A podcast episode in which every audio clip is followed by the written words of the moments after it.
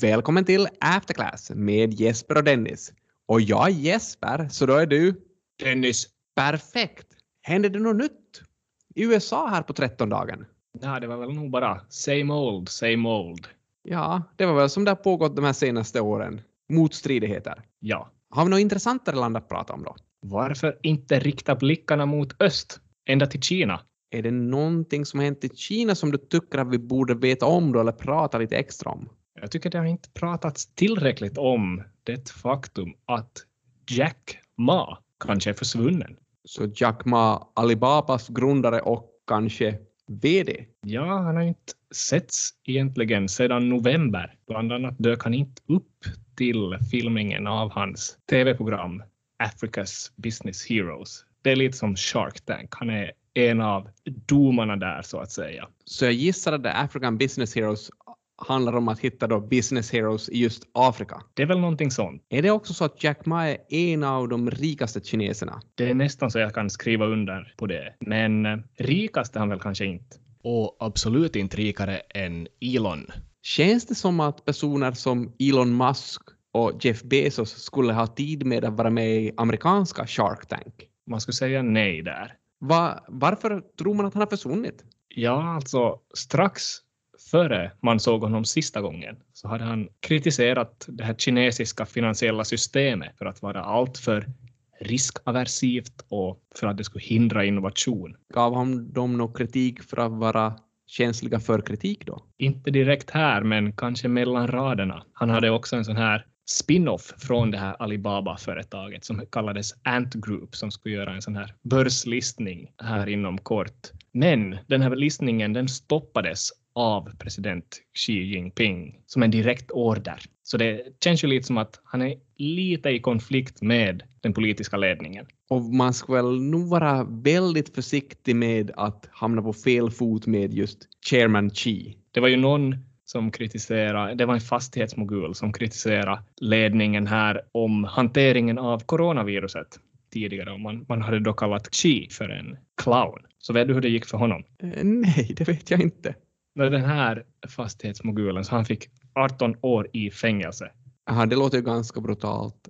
Jag minns också när jag var till Kina att fick, man fick inte ha på sig några kläder med Nalle Puh-bilder på. Varför inte det? Nej, det var väl någon, någon gång som har sagt att den här Chairman Chi lite liknar Nalle Puh. Så efter det förbjöd man Nalle Puh. Ja, ja, så ingen kritik alltså. Jack, är det ett vanligt kinesiskt namn? Det där Jack är väl eh, någon slags artistnamn. De har ju det oftast, kineser, så har de sådana här västerländska artistnamn. Så Jack Ma heter egentligen Ma Jun. Ma Jun. Där Ma är det här familjenamnet. Så antingen håller han sig undan för säkerhets skull eller så är han försvunnen. Kanske blivit bortrövad av Alibaba och de 40 rövarna till och med. Jag tänkte lite på det där att Alibaba, det är en sån här e-handelsplattform och har ju en västerländsk motsvarighet också i Amazon, medan där Amazon också säljer varor själv. Så att Alibaba är egentligen mer bara som en, en middleman här, en mellanhand. Och kan det vara så att man nu har då, att den kinesiska regimen på något vis har, har cut the middleman och tagit bort den här Ma? Jag vet inte. Ja. Kan det vara möjligt? Ja, kanske det på så sätt. Eller så kanske han bara har gett ett, någon typ av nyårslöfte. Att han ska hålla sig undan lite mera. För det blir ju ett nytt år snart. Ett nytt kinesiskt år. Visst är det så att det var råttans år? Och vad blir det nu då? Det är oxens år. Kan du mycket om Kina så där generellt? Du sa att du har varit i Kina. Jag har en Kina-historia. Den vill vi gärna höra. Ja, vi var faktiskt åt på ett sånt här nudelställe. När vi fick våra chopsticks så märkte vi att våra chopsticks var väldigt smutsiga. Vet man tar och sätter de här chopsticksen i sin servett och drar dem genom servetten så att det blev helt svart av den här chopsticken. Låter inte så fräscht. Nej, det var det vi tyckte också. Så vi visade åt servitören att hej, våra chopsticks är helt smutsiga. Och fick svaret att det är lika för allihopa. Men det är ju rättvist. Drack ni något kaffe där då? Nu vet jag inte riktigt vart du är på väg med det här. Har du hört om Luckin Coffee? Det är typ Kinas motsvarighet till Starbucks. Den här tiden i fjol, kring januari, var det en grupp med short sellers. Så kallade blankare. Ja, de kallar sig Muddy Waters Research. De kom ut med en lång, lång rapport, närmare 89 sidor, som sa att det är någonting skumt på gång med Luckin Coffee Inc. Luckin Coffee, vad, vad är det här för typ av bolag då? Kaffe säljer de? Ja, de har kaféer på samma sätt som Starbucks, grundat i Peking 2017, börslistades 2019.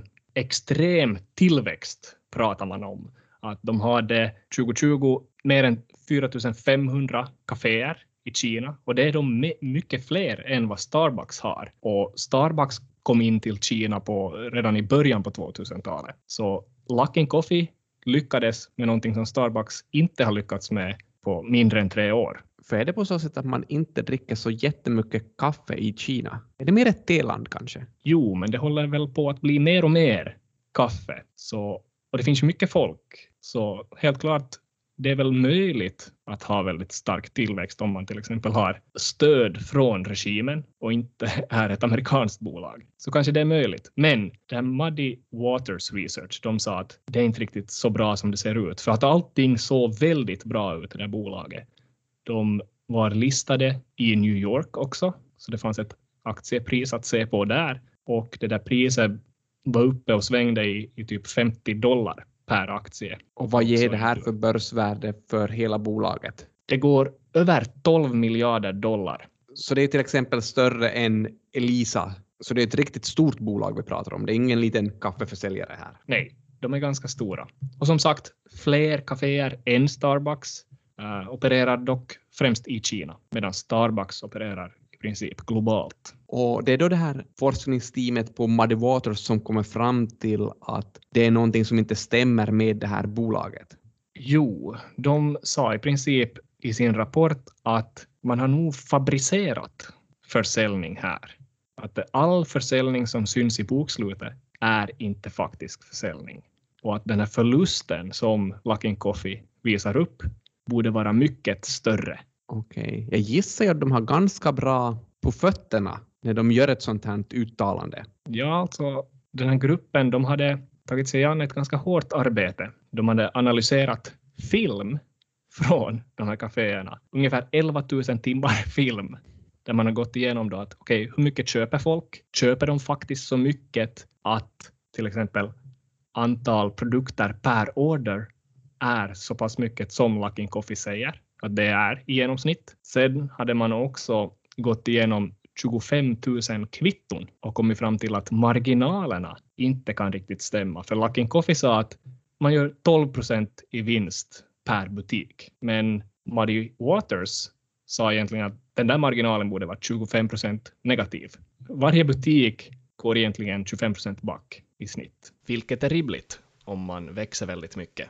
Sen sa man också att man har enligt bokslutet satsat allt för mycket på reklam som man inte alls har satsat. Sen fanns det också väldigt mycket pengar i kassan i bokslutet, men samtidigt måste det här bolaget ta in nytt kapital. Så det är som några saker som inte riktigt stämmer där och med hjälp av det här filmmaterialet, de här kvittorna som man har inte vet jag, grävt upp ur soptunnor, så är det någonting på gång. Var strategin att hålla upp aktiekursen så att man kan ta in nytt kapital när aktiepriset är högt. För det känns ju ändå konstigt att överinvestera i marknadsföring. Jo, det känns lite konstigt. Det står någonting i den där rapporten om att man ville visa att man hade extremt mycket marknadsföring så att den här stora försäljningen skulle vara lite sådär rättfärdigad. Den här för stor, stora försäljningen som inte fanns. Man sa egentligen att 2019 så försäljning var fabricerad med omkring 300 miljoner euro.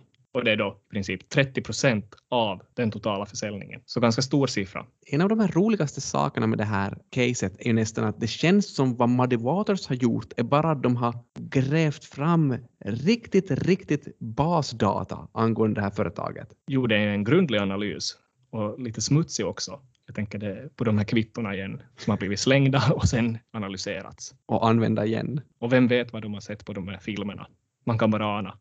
Ja, så Muddy Waters är ett par riktiga hjältar som visar hur storbolagen gör sånt här, såna här skumma affärer. Jo, och här mitt i den här smeten finns också en kvinna, Jenny Xian. Då vet jag inte om Jenny är ett artistnamn bara, men Jenny kallas hon i alla fall. Hon är då grundare och VD eller var, VD för det här bolaget. Men mycket av det här caset går ut på det här att både styrelsen och högsta ledningen, Jenny då inräknad, hade en stor, de ägde mycket av bolaget. Så de gynnades ju förstås av att siffrorna såg bra ut utåt. Samtidigt kunde de kontrollera väldigt mycket inom bolaget. Men ja, de hade mycket skin in the game, som man säger. Ofta brukar man ju tycka att skin in the game är bra, men i det här fallet var det alltså inte så. Nej, jag tror nog att den här så kallade interna kontrollen inte var riktigt stabil i det här bolaget. Men är det på så sätt att det här är en svartvit historia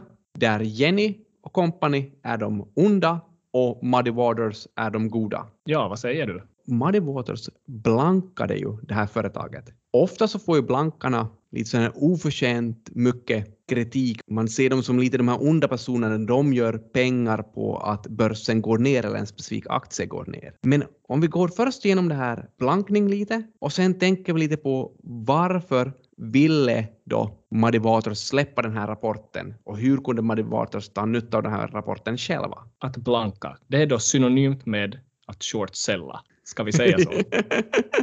ja, det är synonymer.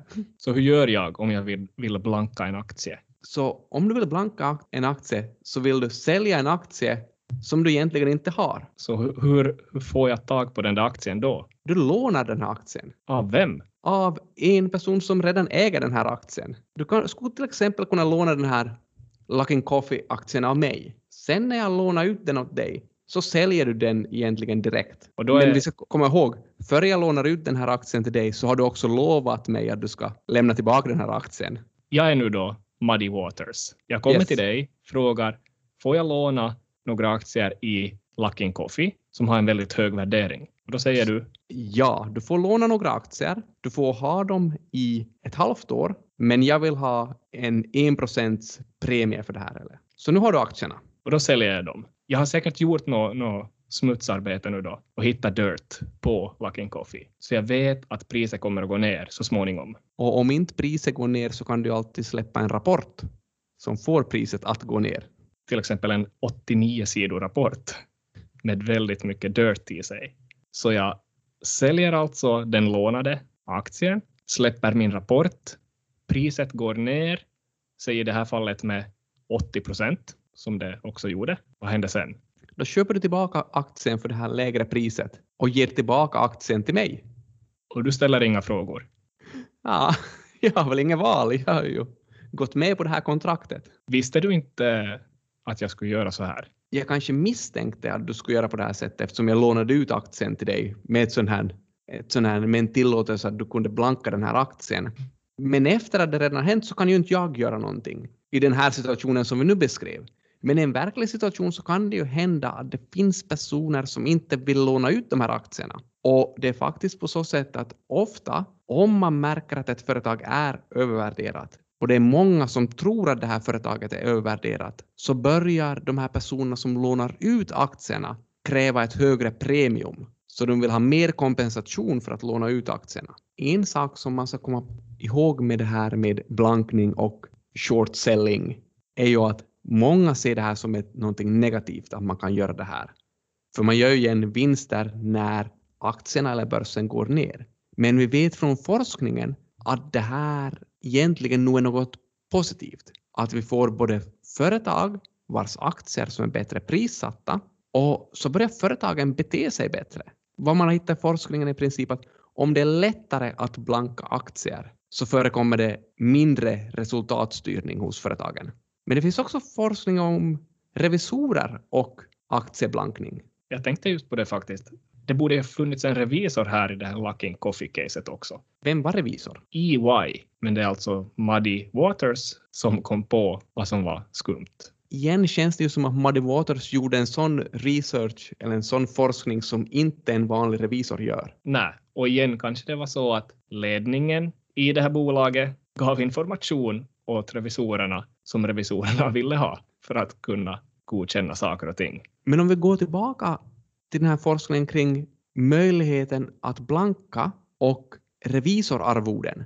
Så vad tror du att det skulle vara den mest naturliga relationen? Om blankningsmöjligheterna ökar går revisorsarvodena upp eller ner. Som revisor så gör ju blankarna ens jobb lite där, så kanske inte jag behöver ta lika mycket betalt. Ja, det var min första tanke också. Men det här forskningspappret av Hope et al. så visar att när möjligheten till blankning ökar så går faktiskt revisorarvodena upp. De påstår att möjligheten till blankning ökar revisorns litigation risk. Jag tänker att det betyder att det är risken att revisorn blir stämd för att inte ha gjort sitt jobb. Det låter ganska rimligt. Så till exempel det här fallet så skulle man kunna fundera på om man kan stämma EY för att inte ha gjort sitt jobb när de reviderade Luckin Coffee. Ja, precis. För det fanns ju en massa andra aktieägare som mitt i allt så 80 procent av sin investering försvinna då Muddy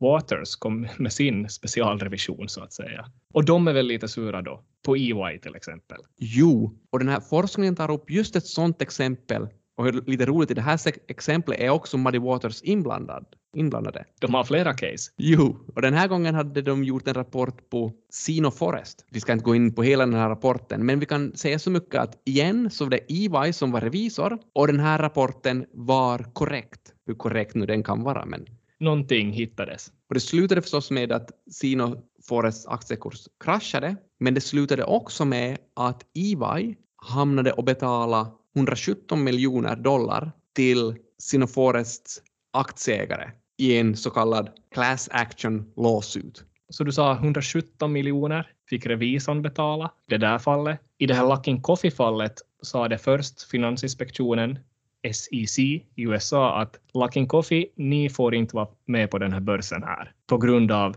det här fabricerade försäljningen och förfalskade bokslutet. Det var i mitten av 2020. Här i slutet av 2020 kom Finansinspektionen igen och sa att om ni betalar 180 miljoner dollar så kan vi even. Ja, kanske var det så att Luckin got lucky nu här i slutändan. Ja, för nu, nu är det ju full, full fart igen och kursen från att ha bottnat där på någonting 3 dollar är nu uppe igen i 8 och ditåt. Så kanske det finns lite upside ännu. Man brukar ju alltid säga att när man köper aktier är nedsidan alltid begränsad, men uppsidan oändlig.